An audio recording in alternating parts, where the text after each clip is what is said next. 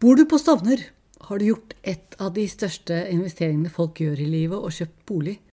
Det skjer ikke hver dag, og da må du vite at det handler ikke bare om å finne riktig sted der du kan trives med deg og dine.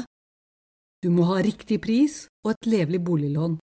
Du inngår et partnerskap med naboene, alle 200 av dem med familier. På blokkene langs Gjelleråsen er organisert i sameier, og det betyr at det er mange løse skruer i dette forretningseventyret. Mitt navn er Sylvia Johnsen, og i Plottkast skal jeg gå inn i et slikt forretningseventyr.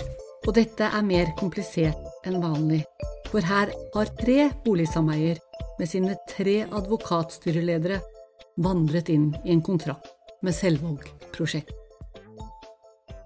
Jeg vil utforske om det er en sannhet bak løgner om samspillavtalen. Svindel, eller er det andre skandaler som lurer bak fraværet av svar?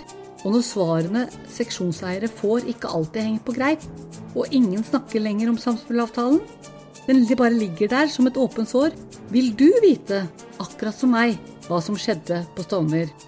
Følg med og abonner. Mitt navn er Sylvia Johnsen, og jeg vil i podkast gå inn i historier for å finne plott fra virkeligheten til å skape dramatikk og fiksjon, og resonnere utover hva som opptar et lite samfunn på Tokerudberget. Hva skjedde med samtaleavtalen?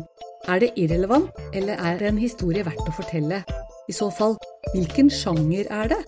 Er det en komedie, politisk drama, dokumentar eller true crime? Kanskje er det en skrekkhistorie om hva som skjer når advokater kommer inn. Følg med for mer.